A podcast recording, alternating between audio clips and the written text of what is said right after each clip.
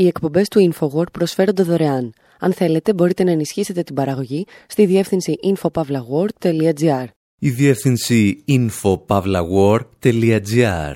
Η εκπομπή InfoWord με τον Άρη Χατζηστεφάνου.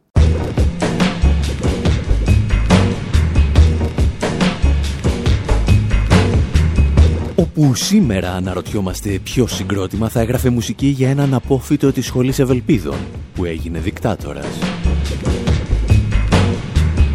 Θυμόμαστε τις ημέρες που ο Μουαμάρ Καντάφη ήταν το λυσασμένο σκυλί της Μέσης Ανατολής και στη συνέχεια πιστό σύμμαχος των Ηνωμένων Πολιτειών και της Ευρώπης και ύστερα και πάλι το λυσασμένο σκυλί της Μέσης Ανατολής.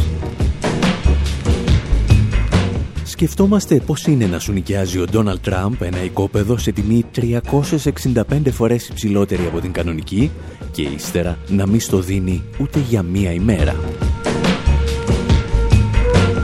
Θυμόμαστε δηλαδή παλιές ιστορίες για ένα παιδί στην έρημο που άκουγε με το τρανζιστοράκι του κάτι εκπομπές από την Αίγυπτο. Συζητάμε για τη Λιβύη του Μουαμάρ Καντάφη και τη Λιβύη του σήμερα.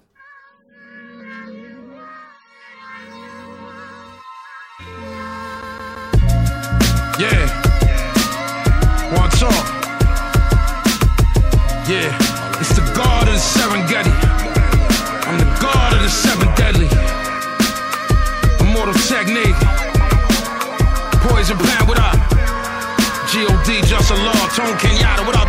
Listen, yeah. Supreme Godhead, gutter like poverty. Righteous man is one of 46 parts prophecy. It's epicyclical orbit like the hypotheses. It's metaphysics that borders on the philosophy. Another song of yours is just another disaster. Another verse of mine is just another cadaver. You could call it the genesis of another chapter. You could call it the venom that's from the troubled rapper. The same rapper that was known for just smashing your face in. Who is God? What's material manifestation? I'm indestructible. My actions are that of a mason. Yamasee Native American tribal relation. The judge threw the book at me. I take it in blood. The rook move horizontally, basically drugs. A nation of intellectuals, a nation of thugs. Jesus is hate, a nation of Satan is love. With a fist full of 20s, got my mind right. With a fist full of handy. We team homicide, we swing side to side. So what's happening? So what's cracking? So what's stacking? If we falling out, brawling out. Then we choke them out, ain't nothing to talk about. Team homicide, swing side to side. So what's happening? It's all action. Me and my conglomerates shall survive apocalypse. I charge a price for telling people what the process is. Uh. Living in a world where dictatorship is obvious. Natural resources running out for the populace. Mm. Murder doesn't need a lobbyist or an ambassador. Ask the survivors of the May massacre. Back to the future without the flux capacitor. Kill you for the gold like Colonel Gaddafi characters. You bad salt sniffing zombies, fucking a stranger. Navajo skinwalkers, nigga, I'm a face changer. Surgically remove your heart, bury it, it wounded me. A microcosm of the graveyard that Earth is soon to be. A eulogy for those chasing cars and jewelry. I'm stocking food and water cause shit ain't what it used to be. I'm motivated like Buster Douglas when his mother died. Border patrol, nigga, see you on the other side. With a fist full of 20s, uh. got my mind right. With a fist full of handy. We team homicide, we swing side to side. So what's happening? So what's cracking? Ο Αμερικανο-Ιταλός ράπερ Βίνι Πάζ συναντά τον Αμερικανο-Περουβιανό ράπερ Immortal Technique και μαζί τραγουδούν μεταξύ άλλων για τον Μουαμάρ Καντάφη. Ένα περίεργο μουσικό ντουέτο αν σκεφτεί κανείς ότι ο Βίνι Πάζ δηλώνει πιστός μουσουλμάνος και έχει κατηγορηθεί για θεωρίες συνωμοσίας, ενώ ο Immortal Technique είναι άθεος μαρξιστής. Ζω, λέει το τραγούδι, σε μια χώρα όπου η δικτατορία είναι πανταχού παρούσα. Αλλά εμένα με σκότωσαν για το χρυσάφι, σαν τον Καντάφη. Το τραγούδι, όσο και η συνάντηση των δημιουργών του, είναι τόσο πολύ σύνθετη και παρανοϊκή, όσο και η ζωή και ο θάνατος του Μουαμάρ Καντάφη. Μια ιστορία που ήρθε και πάλι στο προσκήνιο αυτή την εβδομάδα μέσα από δύο διαφορετικές ειδήσεις. Πρώτα μάθαμε ότι ο πρώην πρόεδρος της Γαλλίας, Νικολά Σαρκοζή, κρατείται από τις γαλλικές αρχές κατηγορούμενος ότι λάμβανε χρήματα για τις προεκλογικές του εκστρατείες από το καθεστώς του Καντάφη. Και η δεύτερη πληροφορία είναι ότι ο γιος του δικτάτορα, ο Σαΐφ Αλ-Ισλάμ Καντάφη, ενδέχεται να διεκδικήσει την Προεδρία της Λιβύης. Εάν δεν καταλάβατε πόσα παράδοξα περιείχαν οι δύο φράσεις που μόλις ακούσατε, να τις αναλύσουμε. Ένας Γάλλος πολιτικός που πρωτοστάτησε στην ανατροπή και δολοφονία του Καντάφη φέρεται να πληρωνόταν από αυτόν και τώρα την ηγεσία της διαλυμένης Λιβύης διεκδικεί ο γιος του πρώην δικτάτορα, ο οποίος ξεκίνησε μια επανάσταση την οποία παρουσίαζε σαν σοσιαλιστική, αλλά ονόμασε το παιδί του Σαΐφ Αλ-Ισλάμ, δηλαδή το ξύφος του Ισλάμ. Είμαστε λοιπόν αναγκασμένοι, όπως καταλαβαίνετε από τις περιστάσεις, να πιάσουμε αυτή την ιστορία από την αρχή.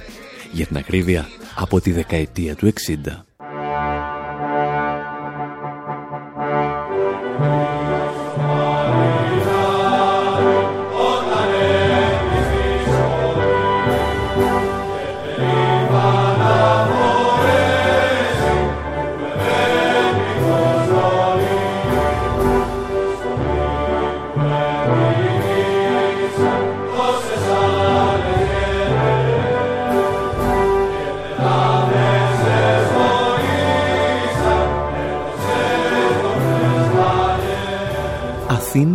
Μέσα της δεκαετίας του 60.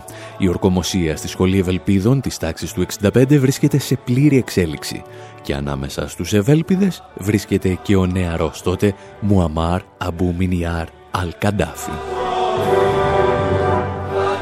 Αυτό τουλάχιστον υποστήριζαν με υπερηφάνεια αρκετοί Έλληνες στρατιωτικοί εδώ και δεκαετίες.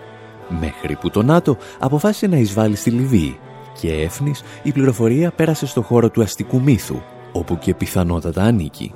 Αυτό που στην Ελλάδα αποκαλούμε Urban Legend. Ακόμη όμως και αν ο Καντάφη δεν άκουσε ποτέ να πεανίζουν ελληνικά εμβατήρια, άκουγε σίγουρα τα εμβατήρια μιας άλλης χώρας, της Αιγύπτου.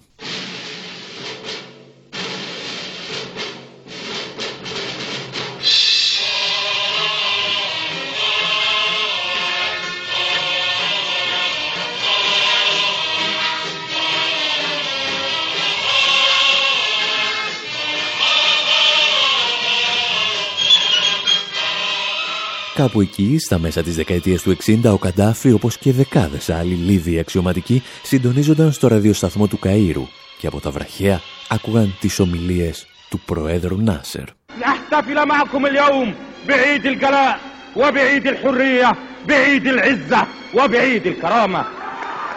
Η Αίγυπτος αποτελούσε την κοιτίδα του αραβικού εθνικισμού, ένα αντιυμπεριαλιστικό κίνημα που αμφισβητούσε τα απομεινάρια της ευρωπαϊκής απεικιοκρατίας. Ένα κίνημα που ισορροπούσε αδέξια ανάμεσα στον αστικό εξυγχρονισμό της Δύσης και ένα διαφορετικό οικονομικό μοντέλο που ερχόταν από τη Σοβιετική Ένωση και την Κίνα του Μάου. Την 1η Σεπτεμβρίου του 1969, εκείνοι οι αξιωματικοί της Λιβύης που άκουγαν τον Νάσερ στα ραδιοφωνάκια τους αποφάσισαν να ανατρέψουν τον βασιλιά Ιντρίς. Για την ιστορία, την ημέρα του πραξικοπήματος, ο βασιλιάς βρισκόταν στην προύσα της Τουρκίας για ιαματικά λουτρά και μόλις πληροφορήθηκε τις εξελίξεις, έφυγε εκτάκτος και πήγε να συνεχίσει τα λουτρά του στα καμένα βούρλα. Γνώριζε προφανώς ότι δεν είχε πλέον καμία ελπίδα να ξαναδεί το θρόνο του.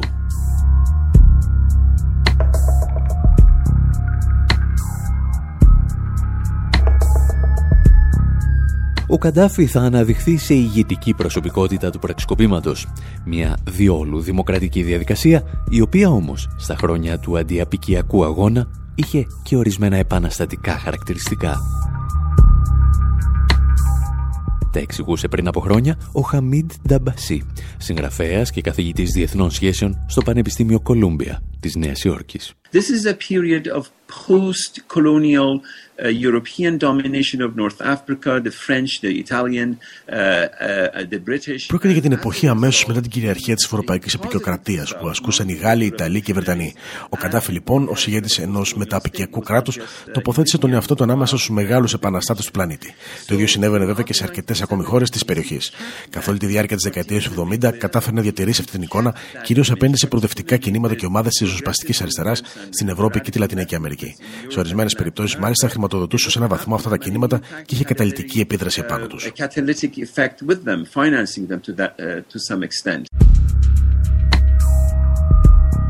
Ο Μουαμάρ Καντάφη λοιπόν ανατρέπει έναν διεφθαρμένο βασιλιά, ο οποίος συνεργαζόταν στενά με τις Ηνωμένες Πολιτείες και τη Βρετανία.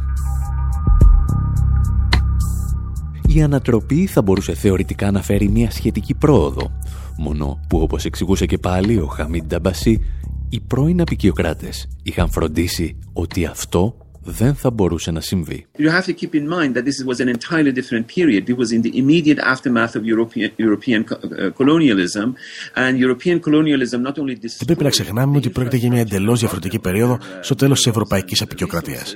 Η απεικιοκρατία όχι μόνο κατέσσεψε τις υποδομές αυτών των χωρών και έκλειψε το φυσικό τους πλούτο, αλλά δεν άφησε πίσω της και κανένα στοιχείο δημοκρατικής διακυβέρνηση.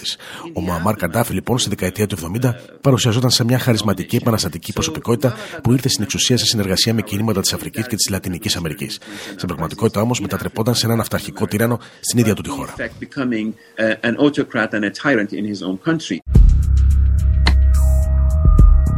Ο Καντάφη λοιπόν μετατρέπεται σταδιακά σε ένα τύρανο, με τη διαφορά ότι χάρη στο πετρέλαιο που διαθέτει η χώρα του εξασφαλίζει ένα στοιχειώδες κοινωνικό συμβόλαιο με τους πολίτες του. Ή, αν προτιμάτε, εξαγοράζει τα ατομικά και συλλογικά δικαιώματά τους και μαζί την ίδια τη δημοκρατία.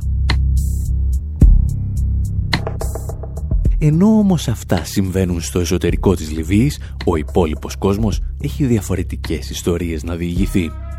Ιστορίες που θα μπορούσαν να χωρέσουν σε μια ηλεκτρονική όπερα, τον Asian Dub Foundation. Today, the color line is the power line, is the poverty line.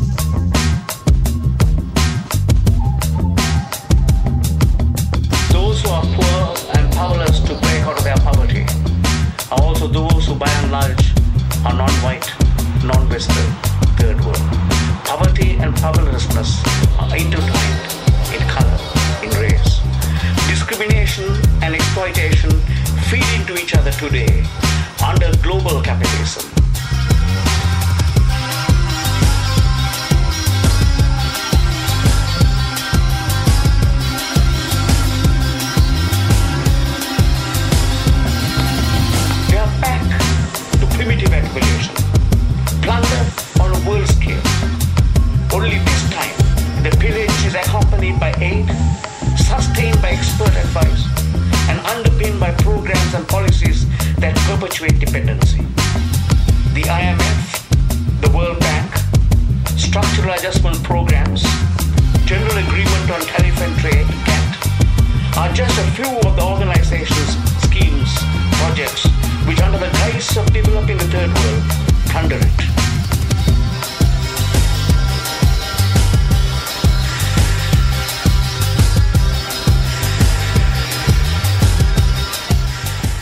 Έχουμε μεταφερθεί στο Λονδίνο. Το ημερολόγιο γράφει 7 Σεπτεμβρίου 2006 και οι Asian Dub Foundation μας προσφέρουν μία από τις πιο περίεργες όπερες του 21ου αιώνα.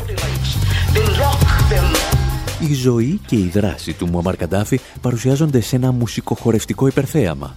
Μια σύγχρονη όπερα που άλλοτε θυμίζει ροκ συναυλία, άλλοτε σε μεταφέρει σε κάποιο σκοτεινό κλαμπ με ηλεκτρονικούς ήχους και άλλοτε στην παραδοσιακή μουσική της Αφρικής και της Λιβύης. Όσοι περίμεναν βέβαια να μάθουν κάτι περισσότερο για τον Καντάφη από την παράσταση, ίσως και να έφυγαν απογοητευμένοι.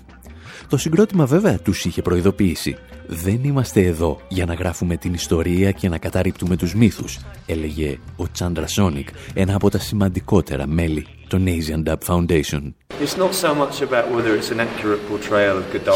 Δεν μας ενδιέφερε τόσο να σκιαγραφίσουμε αντικειμενικά το προφίλ του Καντάφη.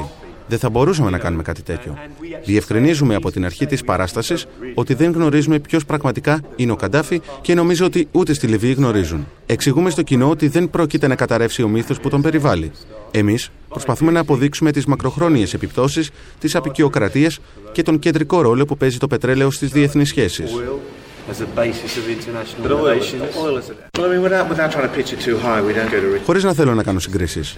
Θα έλεγα ότι δεν πηγαίνουμε να δούμε το Ριχάρδο το δεύτερο του Σέξπιρ για να μάθουμε ποιος ήταν ο Ριχάρδος ο δεύτερος. Πηγαίνουμε γιατί ο Σέξπιρ στείνει ένα θέμα με βάση τη ζωή του Ριχάρδου, το οποίο είναι ακόμη και σήμερα επίκαιρο.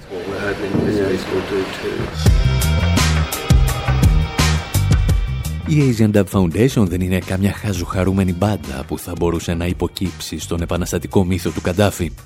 Όπως συνέβη όμως και με αρκετούς πολιτικούς αλλά και με κινήματα που μεσουράνησαν τις δεκαετίες του 70 και του 80 ήταν διατεθειμένοι να τον ακούσουν. Όλοι γνώριζαν ότι πρόκειται για έναν δικτάτορα. Αρκετοί όμως ήταν έτοιμοι να συνδιαλλαγούν μαζί του όταν τον έβλεπαν να τα βάζει με τις Ηνωμένες Πολιτείες. Ο Καντάφη γίνεται έτσι ο άνθρωπος που η Ουάσιγκτον λατρεύει να μισεί.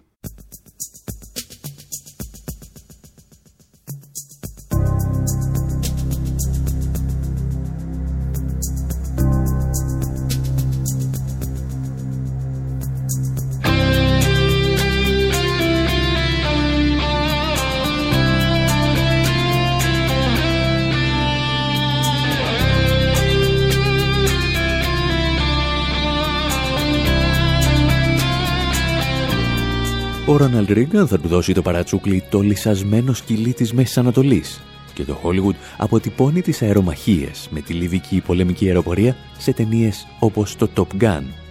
Ίσως η σημαντικότερη συνεισφορά του Tom Cruise στην μιλιταριστική προπαγάνδα του Πενταγώνου. Για την ιστορία, τα γυρίσματα της ταινίας πιστεύετε ότι στήχησαν στο Πεντάγωνο ένα εκατομμύριο δολάρια. Ένα μικρό δώρο του στρατού στη βιομηχανία του θεάματος.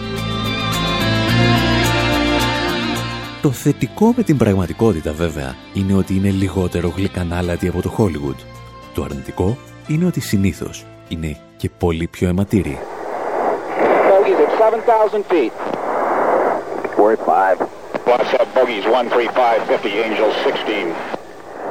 Οι πραγματικοί Αμερικανοί πιλότοι που πετούσαν προς τη Λιβύη δεν το έκαναν για τα μάτια κάποιας όμορφης εκπαιδεύτριας, αλλά για να σκορπίσουν το θάνατο όπως εδώ, σε αυτή την ηχογράφηση από το κόκπιτ δύο Αμερικανικών F-14 που κατέριψαν δύο λιβικά Σουκόι SU-22. Και όταν οι αερομαχίες της δεκαετίας του 80 δεν αρκούσαν για να συνετίσουν τον Καντάφη, ξεκινούσαν οι βομβαρδισμοί. Αμερικανικά μαχητικά είχαν πλήξει αρκετές φορές στόχους στη Λιβύη, σκοτώνοντας από 60 έως 100 άτομα. Η μεγάλη τους ημέρα όμως θα ερχόταν το πρωινό της 15ης Απριλίου του 1986. Ένα συνεργάτης του Λίβιο ηγέτη τον ξυπνά απότομα και του δίνει το ακουστικό μιας τηλεφωνικής συσκευής. Στην άλλη άκρη της γραμμής, μια αντρική φωνή τον προειδοποιεί ότι μαχητικά αεροσκάφη των ΗΠΑ κατευθύνονται προς τη Λιβύη.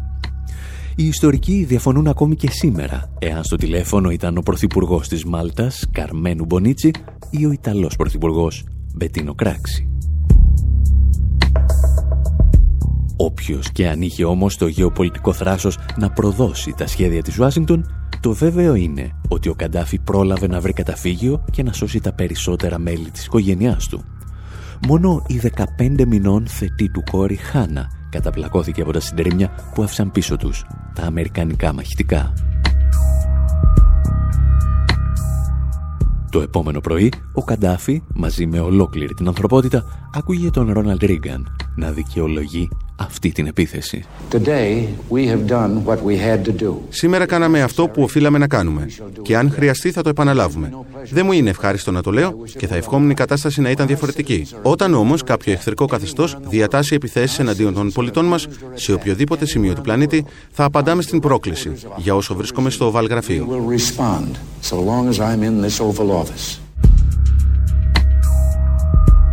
Η δικαιολογία που ζητούσε ο Ρίγκαν για να βομβαρδίσει τη Λιβύη είχε έρθει στις 5 Απριλίου, όταν άγνωστοι τοποθέτησαν βόμβα σε γερμανική δισκοτέκ, από την οποία σκοτώθηκε ένας Αμερικάνος στρατιώτης και τραυματίστηκαν τουλάχιστον 60.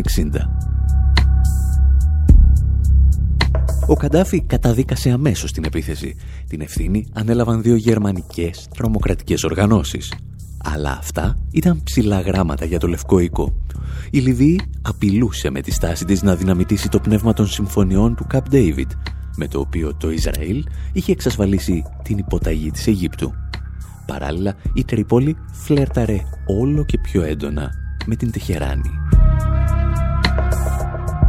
Επαρκείς λόγοι για να θέλει ο Άσιντον να σβήσει τον Λίβιο ηγέτη από το χάρτη.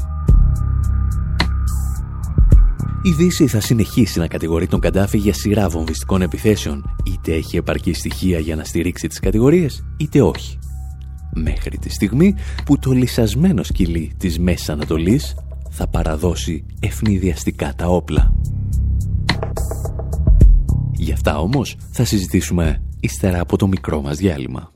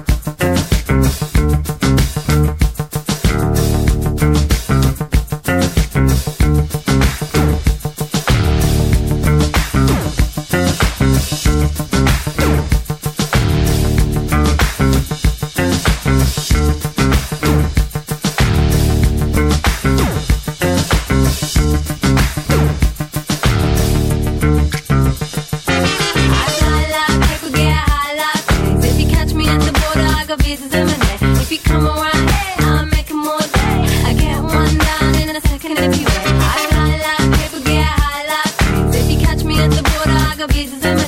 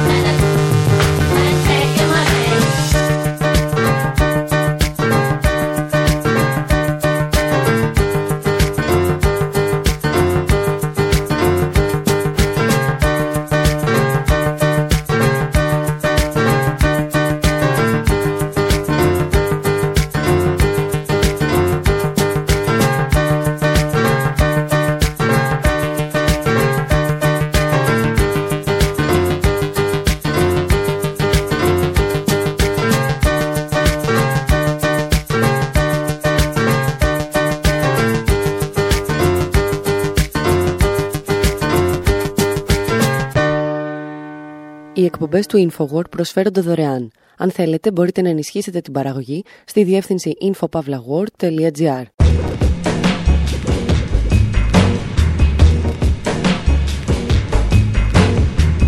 Εκπομπή InfoWar, μέρος δεύτερο όπου με αφορμή την κράτηση του Νικολά Σαρκοζή με την κατηγορία ότι λάμβανε χρήματα από τον Μουαμάρ Καντάφη, εμείς σκεφτήκαμε να μην ασχοληθούμε με τον βαρετό Σαρκοζή, αλλά με τον συναρπαστικό Καντάφη. Έχουμε φτάσει στο σημείο όπου ο πρώην δικτάτορας της Λιβύης αποφασίζει να διακόψει την αντιπαράθεση του με τη Δύση και να υποταχθεί πλήρως στην αυτοκρατορία εκείνη η στιγμή που ξεκινά το τέλος τόσων και τόσων ηγετών που νομίζουν ότι η αυτοταπείνωση ισοδυναμεί με επιβίωση. Στη νέα αυτή εποχή όμως θα αφήσουμε να μας εισαγάγουν η Front 242.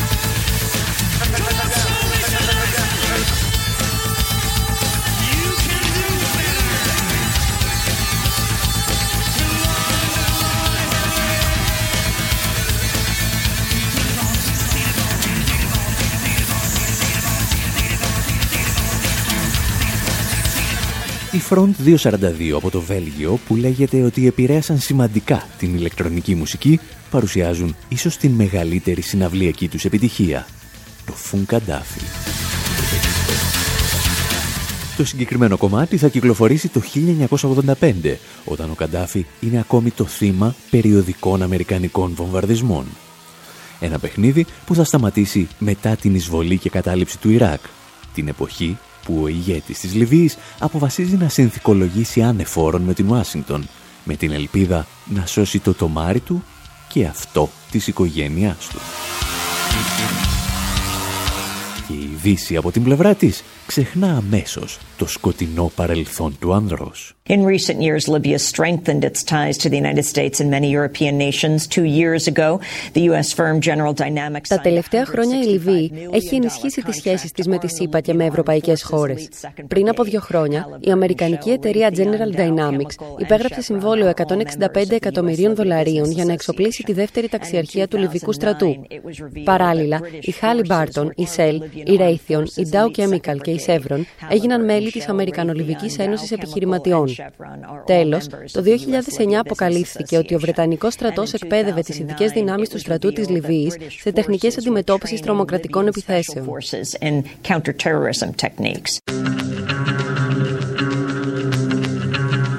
Οι Βρετανοί λοιπόν εκπαιδεύουν τις ειδικές δυνάμεις του Λιβικού στρατού που τώρα επιτίθενται στους διαδηλωτές, ενώ η Γαλλία και οι Ηνωμένες Πολιτείες αρχίζουν να πουλάνε τα όπλα που θα χρησιμοποιηθούν εναντίον πολιτών. Το πραγματικό παιχνίδι όμως δεν παίζεται στις πωλήσεις όπλων, αλλά στην αγορά πετρελαίου. Και εκεί οι Ευρωπαίοι έχουν τον πρώτο λόγο. Το BBC λόγου χάρη μας θύμιζε παλαιότερα τις business που έκλεινε ο Τόνι Μπλερ με τον Καντάφη για λογαριασμό της BP. Then finally the way was reopened for massive trade deals with Libya. Ο δρόμος άνοιξε και πάλι για τεράστιες εμπορικές συμφωνίες με τη Λιβύη. Ο Τζορτζ Μπούς και ο Τόνι Μπλερ ενίσχυσαν τις σχέσεις με τη Λιβύη. Ο Βρετανός Πρωθυπουργός επισκέφτηκε την Τρίπολη το 2004 για να επιβλέψει συμφωνία ενεργειακής συνεργασίας με τον εντοπισμό κοιτασμάτων πετρελαίου και φυσικού αερίου με την BP.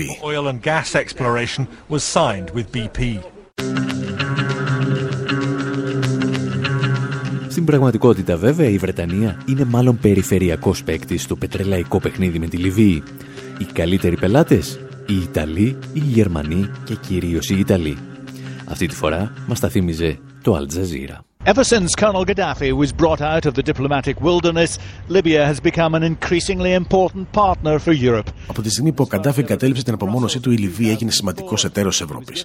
Στην πρώτη του επίσημη επίσκεψη στις Βρυξέλλες το 2004, τον υποδέχθηκαν με τιμές που θα ήταν αδιανόητες πριν μερικά χρόνια. Η Λιβύη παράγει το 10% του πετρελαίου που καταναλώνει η Ευρώπη. Είναι ο τρίτος μεγαλύτερος πάροχος μετά την Νορβηγία και τη Ρωσία και κέρδισε πρόσφατα αυτή τη θέση από τη Σαουδική Αραβία.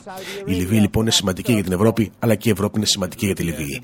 Η Ιταλία αγοράζει το 32% του πετρελαίου της από αυτή τη χώρα, η Γερμανία το 14%, η Γαλλία 10% και η υπόλοιπη Ευρώπη το 23%. Συνολικά η Ευρώπη αγοράζει το 73% του πετρελαίου της Λιβύης. Είναι δηλαδή ο μεγαλύτερος πελάτης της.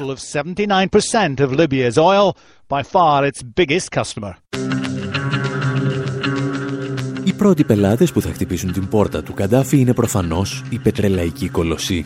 Σύντομα όμως θα μπουν στο παιχνίδι και οι αλογομούριδες, όπως η Goldman Sachs και ο Donald Trump.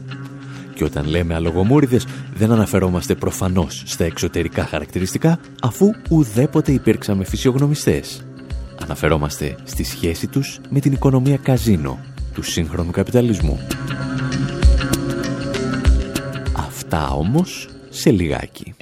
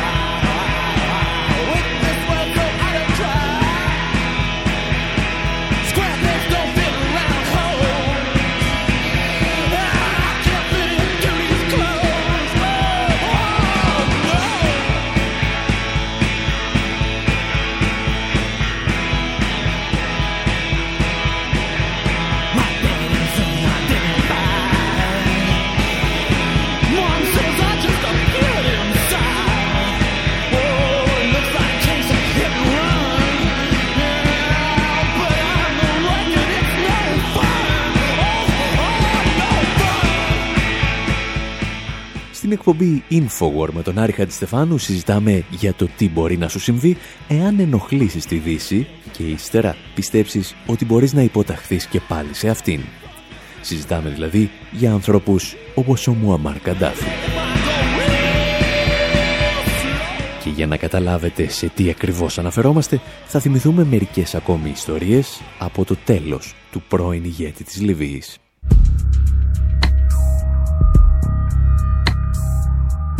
20 Οκτωβρίου 2011. Κατά τη διάρκεια συνέντευξης σε αμερικανικό τηλεοπτικό δίκτυο, η Αμερικανίδα Υπουργός Εξωτερικών λαμβάνει ένα μήνυμα στο κινητό της. Το επιτελείο της την ενημερώνει ότι ο δικτάτορας της Λιβύης, Μουαμάρ Καντάφη, είναι νεκρός. Και αυτή, ο άλλος Ιούλιος Κέζαρας, αναφωνεί «Ήλθον, είδον, πέθανε». We came, we saw, he died.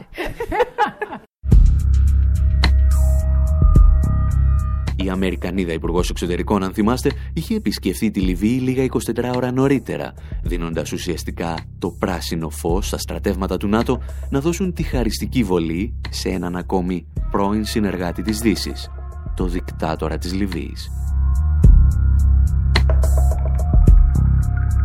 Η Χίλαρη Κλίντον όμως δεν ήταν η μόνη κυρία που γελούσε για το γεγονός ότι το σώμα του ηγέτη ενός κυρίαρχου κράτους σέρνονταν αιμόφυρτο στους δρόμους. Πολύ πριν από την Κλίντον μπορούμε να υποθέσουμε ότι είχε γελάσει η κυρία Goldman Sachs. Μια ιστορία που μας φέρνει πίσω στο 2003. My fellow Americans, major combat operations in Iraq have ended. In the Battle of Iraq, the United States and our allies have prevailed. Όταν ο George Bush ανακοίνωσε έστω και πρόωρα το τέλος των στρατιωτικών επιχειρήσεων στο Ιράκ το 2003, ο Μουαμάρ Καντάφη αποφάσισε ότι είχε έρθει η ώρα να υποταχθεί στην αυτοκρατορία. Ο παλαιποτέ παδός της επανάστασης του Νάσερ στην Αίγυπτο και του αραβικού εθνικισμού προσέφερε γη και είδωρ σε εταιρείες της Δύσης για να εξασφαλίσει την επιβίωσή του στη νέα τάξη πραγμάτων της ευρύτερης Μέσης Ανατολής. Και μία από τις εταιρείες με τις οποίες συνεργάστηκε ήταν η Goldman Sachs. Τα εξηγούσε πρόσφατα το δίκτυο Russia Today. Long before the US led airstrikes against Libya's Muammar Gaddafi. Πολύ πριν ξεκινήσουν οι βομβαρδισμοί εναντίον της Λιβύης του Καντάφη υπό την καθοδήγηση των Ηνωμένων Πολιτειών, ο δικτάτορας ήταν στενός οικονομικός φίλος με μία από τις πιο κερδοφόρε αμερικανικές τράπεζες το 2008. Σύμφωνα με τη Wall Street Journal, η Goldman Sachs είχε προσφέρει στον Καντάφη την ευκαιρία να πάρει τεράστιο τμήμα των μετοχών της. Το έκανε όμως μόνο όταν έχασε το 98% λιβικού κεφαλαίου ύψου 1,3 δισεκατομμυρίου δολαρίων που της είχαν δοθεί για επενδύσεις.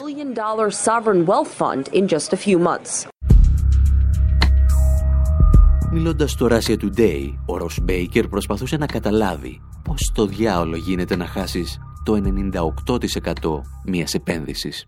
They lost a staggering percentage. I don't know how you lose 98% of something. It was Έχασαν ένα τεράστιο ποσοστό. Δεν ξέρω πώς μπορεί να χάσει το 98% ενός ποσού. Είχαν ποντάρει σε options ευρωπαϊκών τραπεζών και επιχειρήσεων ενέργειας, οι μετοχές των οποίων βυθίστηκαν. Το βέβαιο είναι ότι η Goldman Sachs άρχισε να αντιμετωπίζει τον Καντάφη σαν χρυσορυχείο.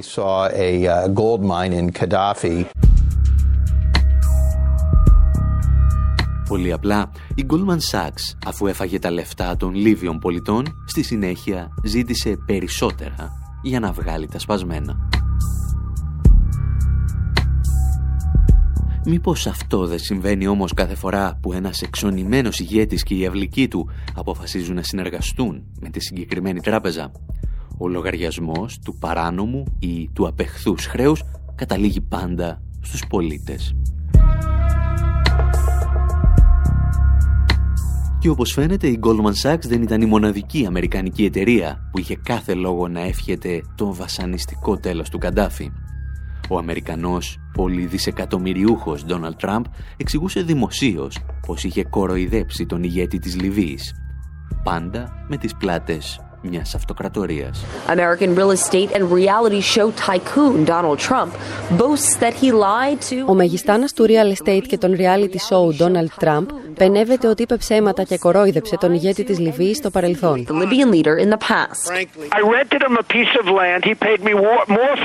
Του νίκησε ένα οικόπεδο και με έδωσε για μια νύχτα όσο άξιζε το οικόπεδο για ένα ή και δύο χρόνια. Και ύστερα δεν τον άφησε να το χρησιμοποιήσει. Δεν θέλω να χρησιμοποιήσω τη λέξη πίδημα, αλλά τον πήδηξα. Τώρα ορισμένοι υποστηρίζουν ότι έχει έρθει η σειρά της Wall Street να πηδήξει το λαό της Λιβύης.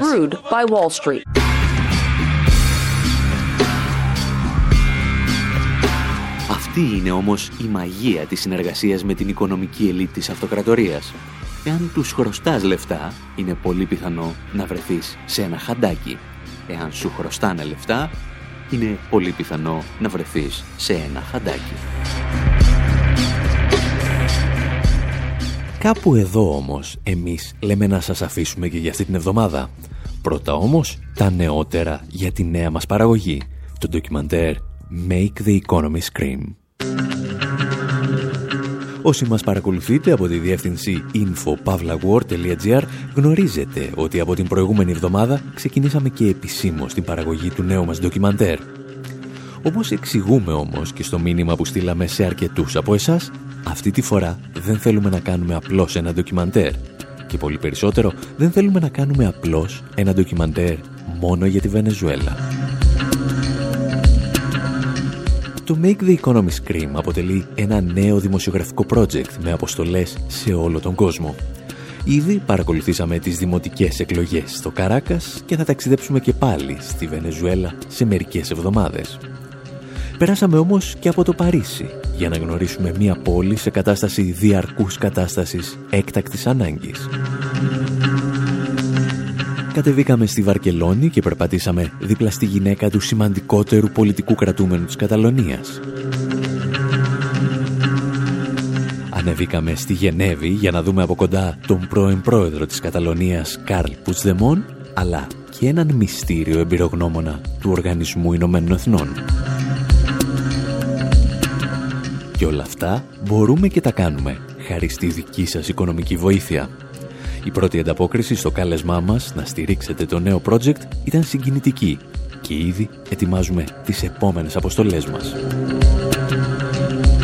Και αν θέλετε να μάθετε περισσότερα και να γίνετε συμπαραγωγή μας σε αυτό το μεγάλο ταξίδι, θα βρείτε όλες τις πληροφορίες στη διεύθυνση maketheeconomyscream.com και φυσικά στο infopavlawar.gr. Μέχρι πάντως το επόμενο ραδιοφωνικό μας ραντεβού, από τον Άρη Χατζηστεφάνου στο μικρόφωνο, τον Δημήτρη Σταθόπουλο στην τεχνική επιμέλεια και την Μυρτώ Σημεωνίδου σε μεταφράσεις και εκφωνήσεις, γεια σας και χαρά σας. I came back to my hometown incognito to forget about it all. Suddenly I heard, hey there, papito, you don't ever give a call.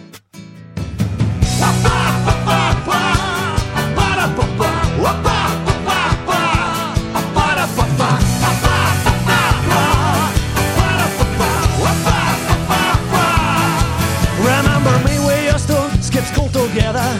Said to me, drunk girl, policeman. Now where have you been all my life? I've been skipping school trains swiftly rolling by. I've been jumping them without long goodbyes. To uncover rules of life and how to break them well. And a key to my gypsy autopilot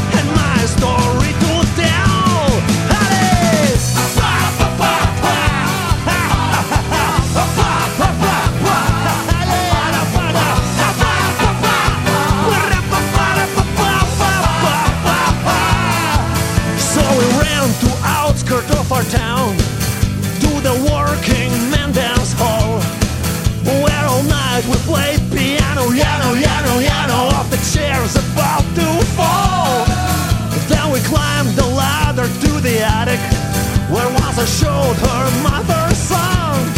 Above the street were all them crazy dreamers still talking nonsense all night long.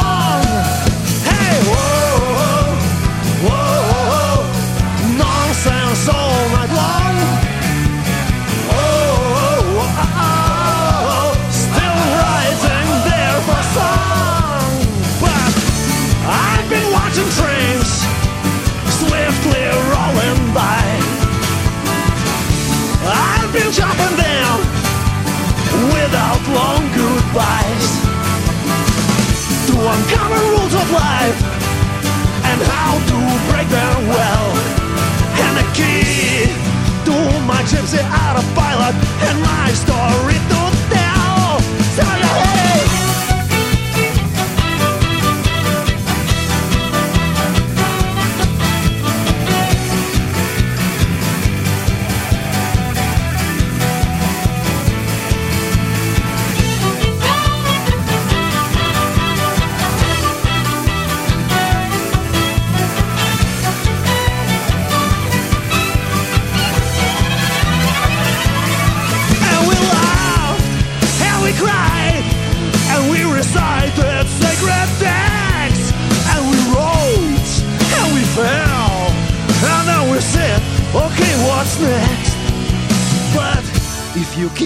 watching trains swiftly rolling by, one day you will be gone without long goodbyes to uncover rules of life and how to break them well. And a key to your gonzo turbo gypsy autopilot and your story to tell story to tell